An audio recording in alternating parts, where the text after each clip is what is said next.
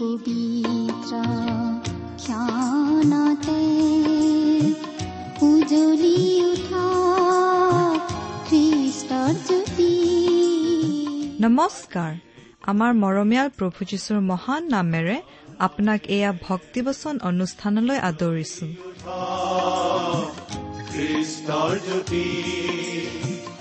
আকাশ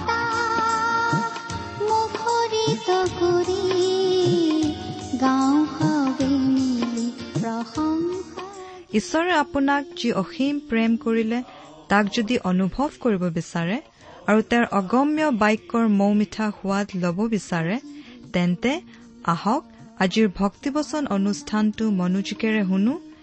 এয়া আপোনালৈ আগবঢ়াইছো ঈশ্বৰৰ জীৱন্ত বাক্যৰ অনুষ্ঠান ভক্তিবচন।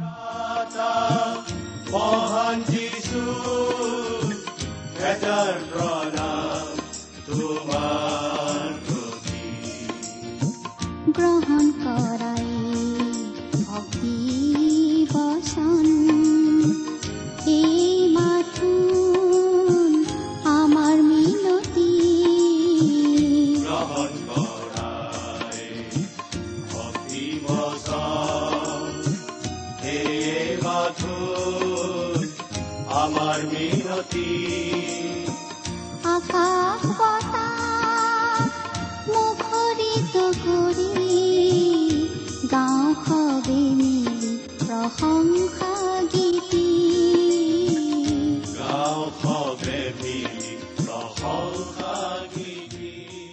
আমাৰ মহান ত্ৰাণকৰ্তা প্ৰভু যীশুখ্ৰীষ্টৰ নামত নমস্কাৰ প্ৰিয় শ্ৰোতা।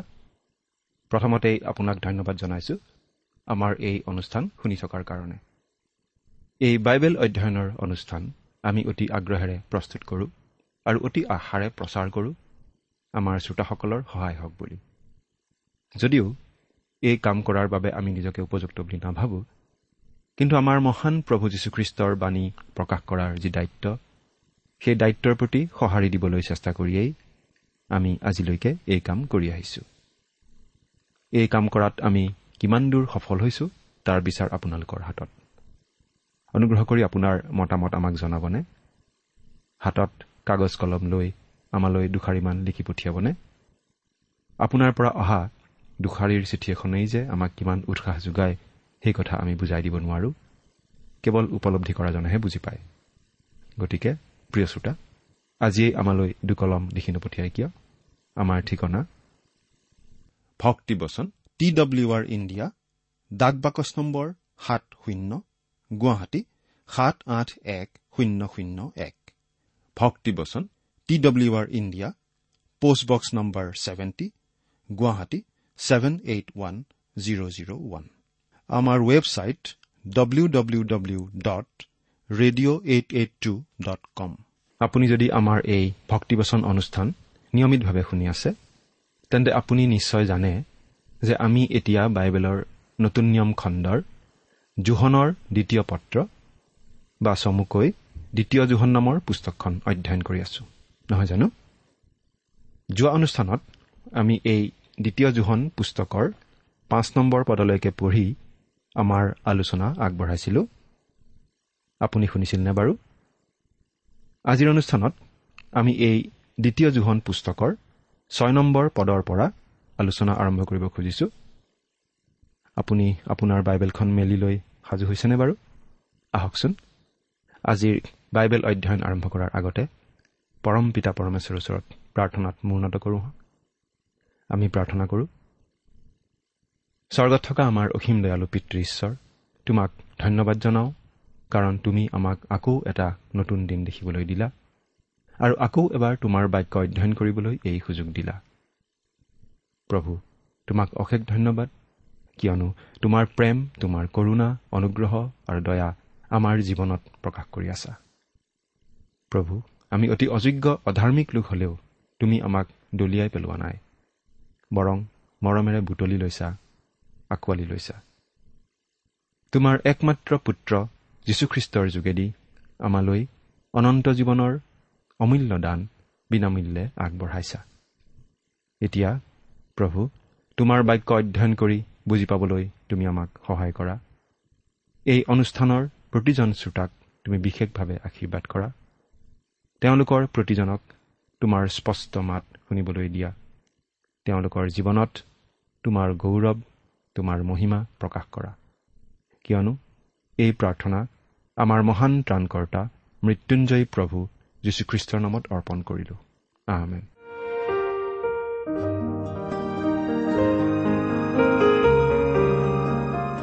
আহক প্ৰিয় শ্ৰোতা এতিয়া আমি বাইবেল অধ্যয়নৰ পিনে আগবাঢ়ো।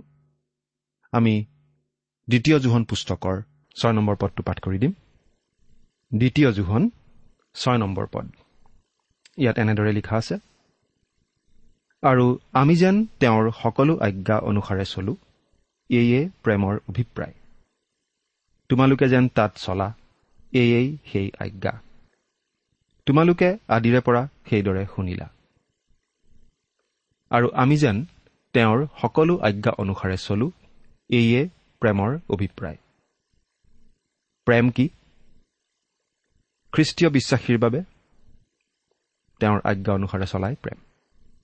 প্ৰভু যীশুৱে কৈছিল তোমালোকে যদি মোক প্ৰেম কৰা তেন্তে মোৰ আজ্ঞাবোৰ পালন কৰিবা। জোহন চৈধ্য অধ্যায় পোন্ধৰ পদ। একেটা কথাই ইয়াত ওলোটাকৈ কোৱাৰ নিচিনা হৈছে বা আন প্ৰকাৰে কোৱা হৈছে। প্ৰভু যীশুৰ আজ্ঞা দহ আজ্ঞাতকৈ বেছি। দহ আজ্ঞা ঈশ্বৰে ইছৰাইল জাতিক দিছিল আৰু শাসন চলোৱা কাৰ্যৰ বাবে আৰু সভ্যতা বৰ্তি থাকিবৰ বাবে এই দহ আজ্ঞাবোৰ অতি প্ৰয়োজনীয়। কিন্তু খ্ৰীষ্টীয় বিশ্বাসীসকলক তাতকৈও উচ্চ পৰ্যায়ৰ জীৱনৰ কাৰণে আমন্ত্ৰণ জনোৱা হৈছে আৰু খ্ৰীষ্টীয় বিশ্বাসীসকলে পবিত্ৰ আত্মাৰ শক্তিৰে জীৱনত প্ৰকাশ কৰিব লাগিব। প্ৰেম আনন্দ শান্তি চিৰসহিষ্ণুতা মৰম মংগল ভাৱ বিশ্বাস মৃদুভাৱ ইন্দ্ৰিয় দমন এই আত্মাৰ ফলবিলাক। এইবোৰ যদিহে আমাৰ জীৱনত থাকে আমি ঈশ্বৰৰ আজ্ঞামতে চলি থকা বুলিয়েই বুজিব লাগিব। আৰু যদিহে আমাৰ জীৱনত এইবোৰ নাই আমি জানিব লাগিব আমি তেওঁৰ আজ্ঞামতে চলা নাই। এয়েই প্ৰেমৰ অভিপ্ৰায়। প্ৰেম ড্ৰয়িং ৰুমত নহয় কিন্তু ৰান্ধনী ঘৰতহে প্ৰকাশ পাই উঠে। শোৱনি কোঠাত নহয় কাপোৰ ধোৱা ঠাইতহে প্ৰকাশ পাই উঠে। অৰ্থাৎ আমাৰ প্ৰেম প্ৰকাশ পায় আমি প্ৰেম কৰা লোকজনৰ কাৰণে কৰা কষ্ট আৰু ত্যাগ স্বীকাৰৰ যোগেদি। স্বামীয়ে মূৰৰ ঘাম মাটিত পেলাই ধন ঘটিবলৈ বেয়া নাপায়। কাৰণ তেওঁ পৰিয়ালক পোহপাল দিব লাগিব। তেওঁ পৰিয়ালক প্ৰেম কৰে। ভাৰ্যাই দুখমোকালিৰ পৰা নিশা দুপৰলৈকে ঘৰৰ কাম কৰি ভাগৰি নপৰে। কাৰণ তেওঁ স্বামীক প্ৰেম কৰে। সন্তানসকলক প্ৰেম কৰে।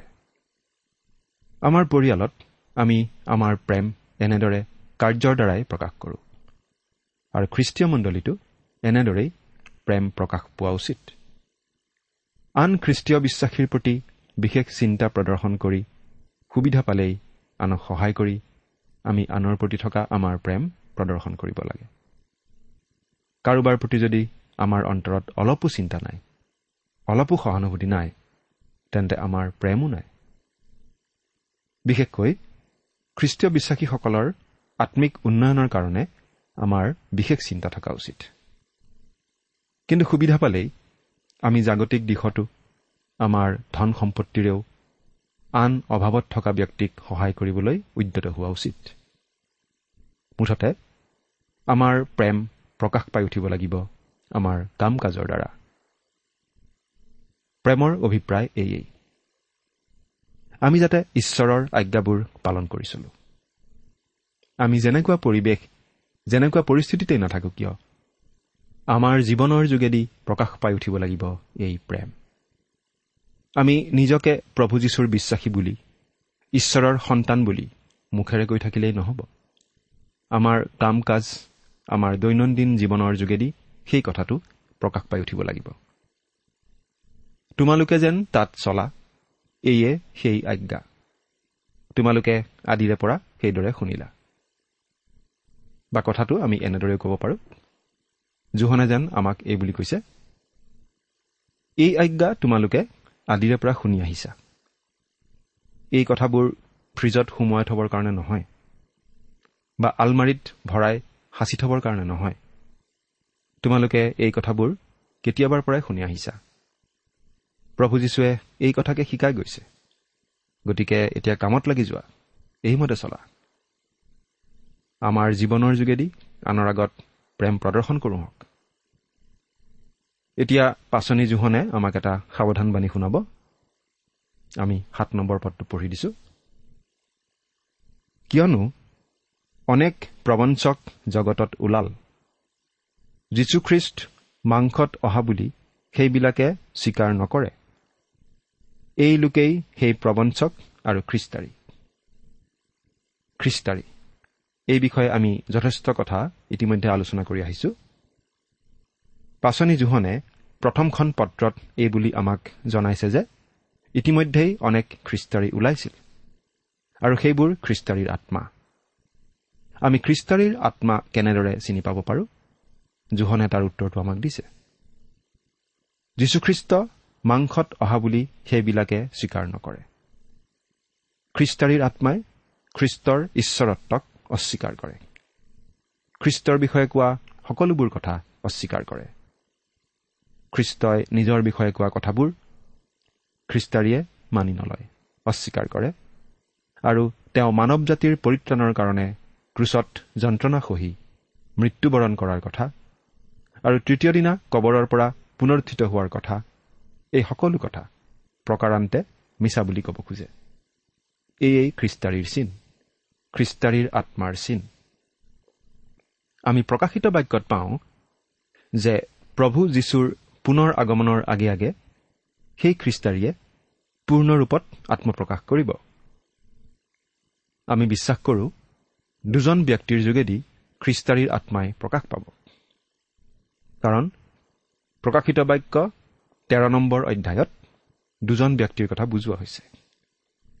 এজন হ'ব ৰাজনৈতিক নেতা খ্ৰীষ্টৰ শত্ৰু খ্ৰীষ্টৰ বিৰোধী। আনজন হ'ব ধৰ্মীয় নেতা।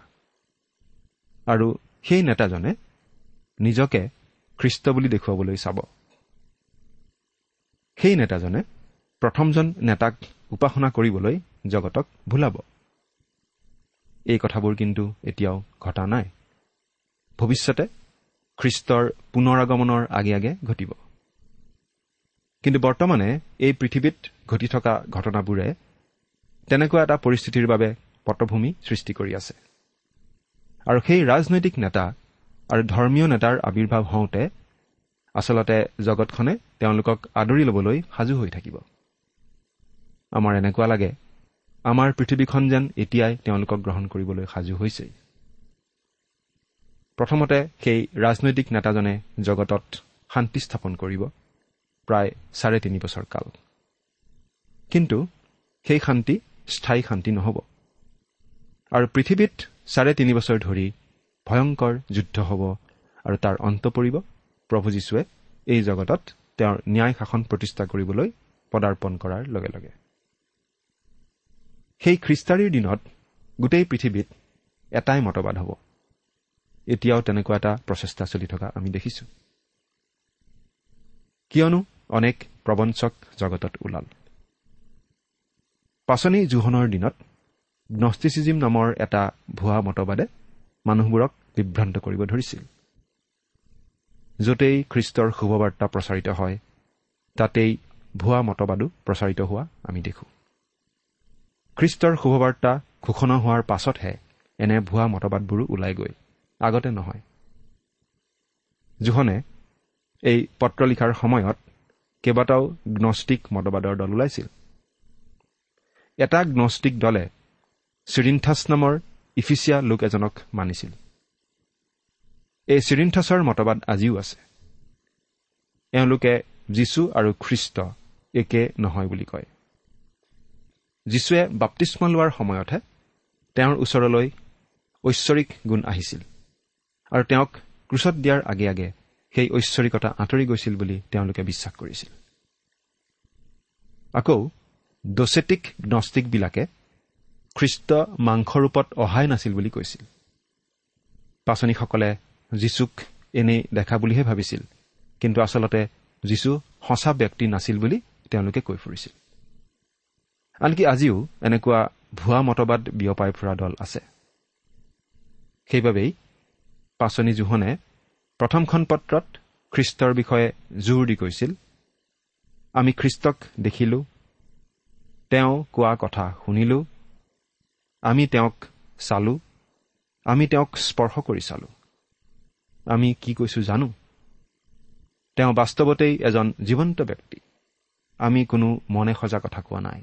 সঁচা কথা কৈছো। তদুপৰি কিছুমান যিহুদী ধৰ্মাৱলম্বী লোকেও খ্ৰীষ্টীয় বিশ্বাসৰ কিছুমান কথা লৈ সেই কথাবোৰ বিকৃত কৰি নতুন ধৰণৰ মতবাদ এটাৰ সৃষ্টি কৰিছিল। মুঠতে বিভিন্ন ধৰণৰ প্ৰবঞ্চক ওলাইছিল জোহনৰ দিনতেই। ইয়াত জোহনে এই বুলি জনাই দিছে আৰু খুব জৰুৰী কথা এইয়েই যে জগতত বহুতো প্ৰবঞ্চক সোমাই পৰিল।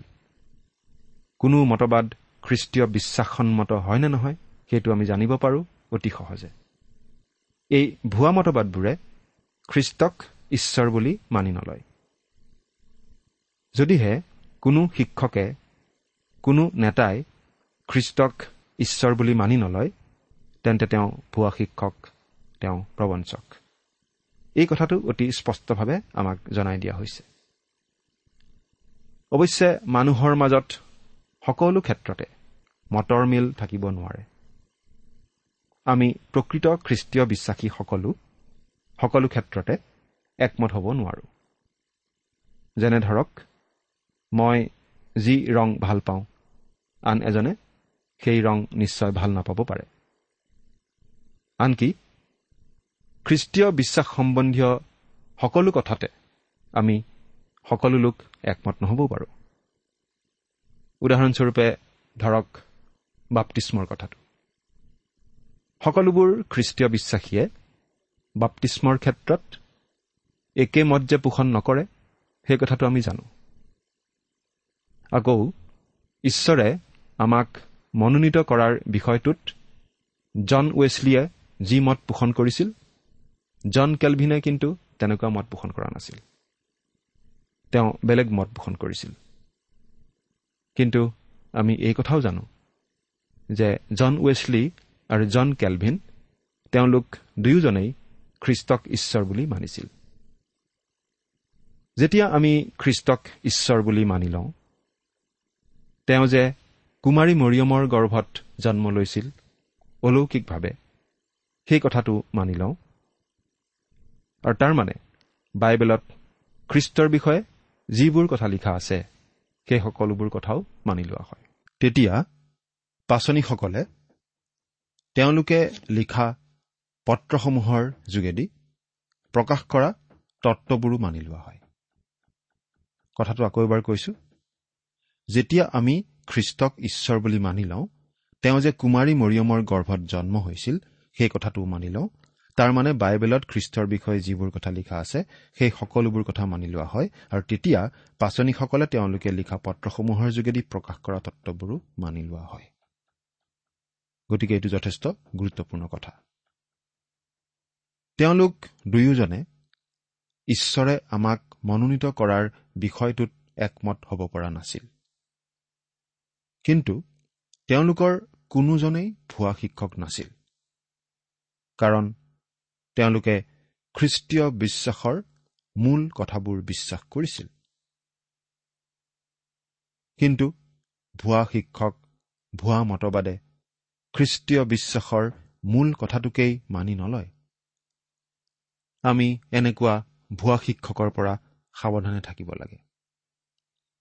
বাইবেলখন হাতত লৈ কথা ক'লেই কোনো এজন লোকক আমি আচলতে বিশ্বাস কৰি ল'ব নালাগে। তেওঁ দিয়া সেই শিক্ষা বাইবেলৰ শিক্ষাৰ সৈতে খাপ খোৱা হয় নে নহয় সেইটো আমি পৰীক্ষা কৰি চাব লাগে। তেওঁ যীশুখ্ৰীষ্ট সম্বন্ধে কি মত পোষণ কৰে সেইটো সকলোতকৈ ডাঙৰ কথা।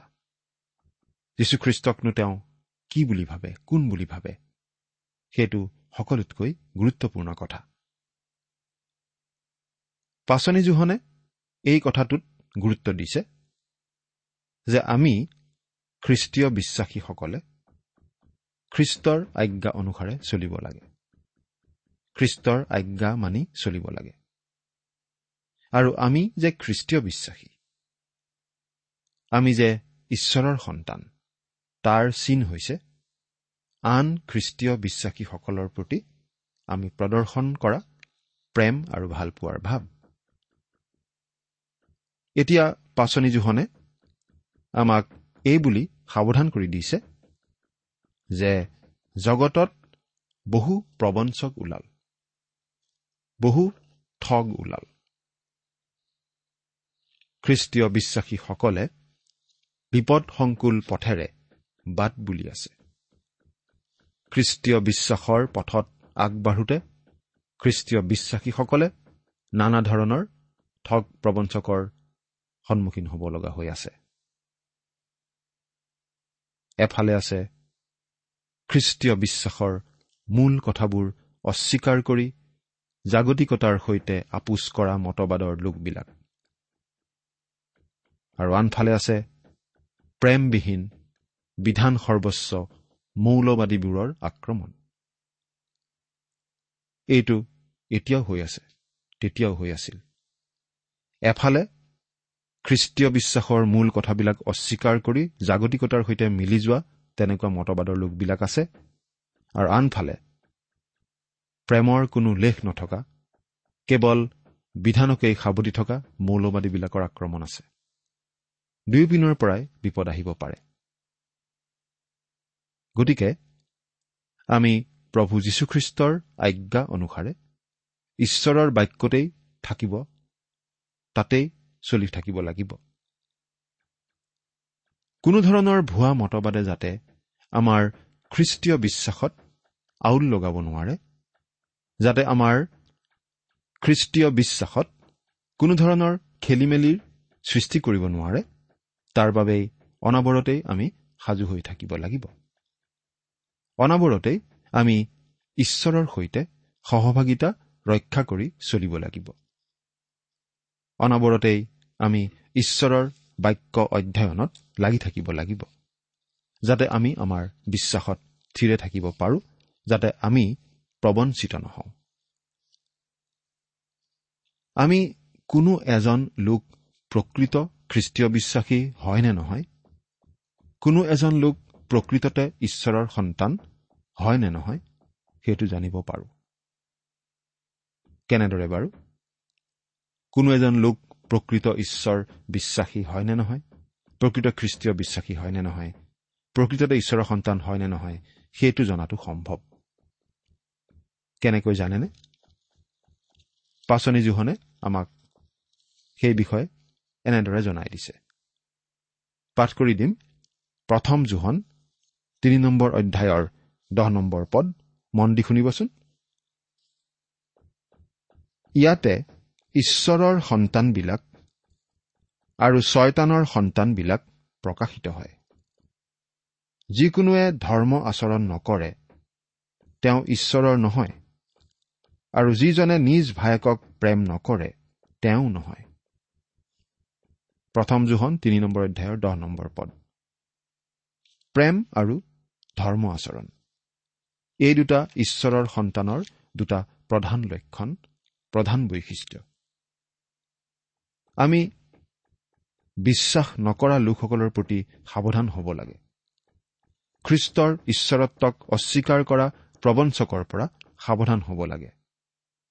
আমাক পাচনি জোহনে এই বুলি কৈছে যে কোনোৱে যদি খ্ৰীষ্টৰ ঈশ্বৰত্বক অস্বীকাৰ কৰে খ্ৰীষ্টই মানৱ ৰূপে জন্মগ্ৰহণ কৰিছিল বুলি মানি নলয় তেন্তে তেওঁ প্ৰকৃত খ্ৰীষ্টীয় বিশ্বাসী নহয়।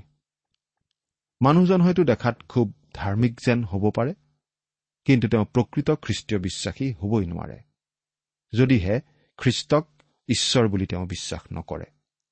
এই কথাটো আমি ভালদৰে মনত ৰখা উচিত। প্ৰকৃত খ্ৰীষ্টীয় বিশ্বাসী মানে খ্ৰীষ্টৰ অনুগামী খ্ৰীষ্টৰ বিশ্বাসী খ্ৰীষ্টত ভৰসা কৰা লোক। প্ৰকৃত খ্ৰীষ্টীয় বিশ্বাসীয়ে বিশ্বাস কৰে। খ্ৰীষ্টই কুমাৰী মৰিয়মৰ গৰ্ভত অলৌকিকভাৱে জন্ম লোৱা কথাটো। খ্ৰীষ্টৰ ঐশ্বৰিকতাৰ কথাটো। খ্ৰীষ্টই কৰা অলৌকিক কামবোৰৰ কথা।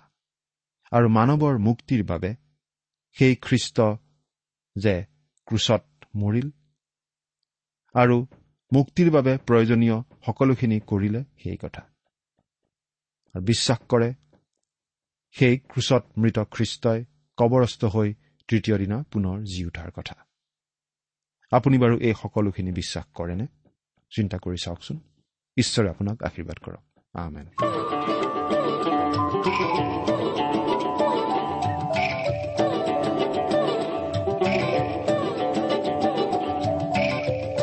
আমি মাথো ইমান পৰে? আপুনি ভক্তিবচন অনুষ্ঠানটি শুনিলে। এই বিষয়ে আপোনাৰ মতামত জানিবলৈ পালে আমি নথৈ আনন্দিত হ'ম আমি প্ৰস্তুত কৰা বাইবেল অধ্যয়নৰ আন চিডিসমূহ পাব বিচাৰিলেও আমালৈ লিখক। অনুষ্ঠানটি শুনি কেনে পালে আমালৈ চিঠি লিখি জনাবচোন। অনুষ্ঠানত প্ৰচাৰ কৰা কোনো কথা বুজিব লগা থাকিলেও আমালৈ লিখক। আমাৰ ঠিকনা? ভক্তিবচন ট্ৰান্স ৱৰ্ল্ড ৰেডিঅ' ইণ্ডিয়া ডাক বাকচ নম্বৰ সাত শূন্য গুৱাহাটী সাত আঠ এক শূন্য শূন্য এক। ঠিকনাটো আৰু এবাৰ কৈছো ভক্তিবচন ট্ৰান্স ৱৰ্ল্ড ৰেডিঅ' ইণ্ডিয়া ডাক বাকচ নম্বৰ সাত শূন্য গুৱাহাটী সাত আঠ এক শূন্য শূন্য এক। আমাৰ ইমেইল এড্ৰেছটো হৈছে Assamese T T B at the rate radio' eight eight two dot com আমাৰ website W W W dot T W R dot in আপুনি টেলিফোনৰ মাধ্যমেৰেও আমাক যোগাযোগ কৰিব পাৰে। আমাৰ টেলিফোন নম্বৰটো হৈছে শূন্য তিনি ছয় এক দুই ছয় শূন্য চাৰি ছয় সাত এক। ফোন নম্বৰটো আকৌ এবাৰ কৈছো zero' three six one two six zero' four six seven one আজিৰ অনুষ্ঠানটি ইমানতে সামৰিছো। ঈশ্বৰৰ শান্তি আৰু অনুগ্ৰহ আপোনাৰ লগত থাকক। ধন্যবাদ।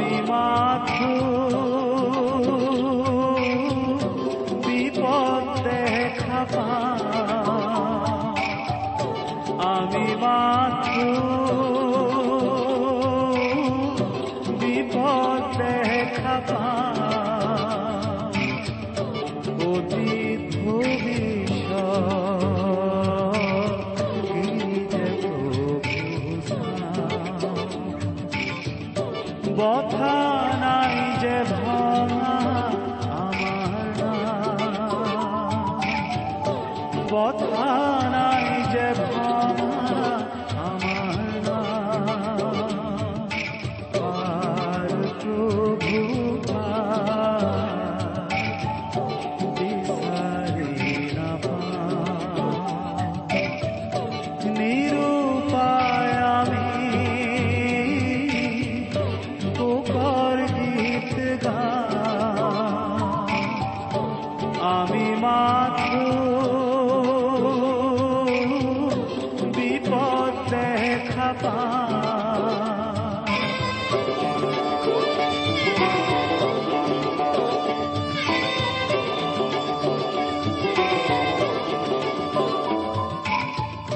دکانداری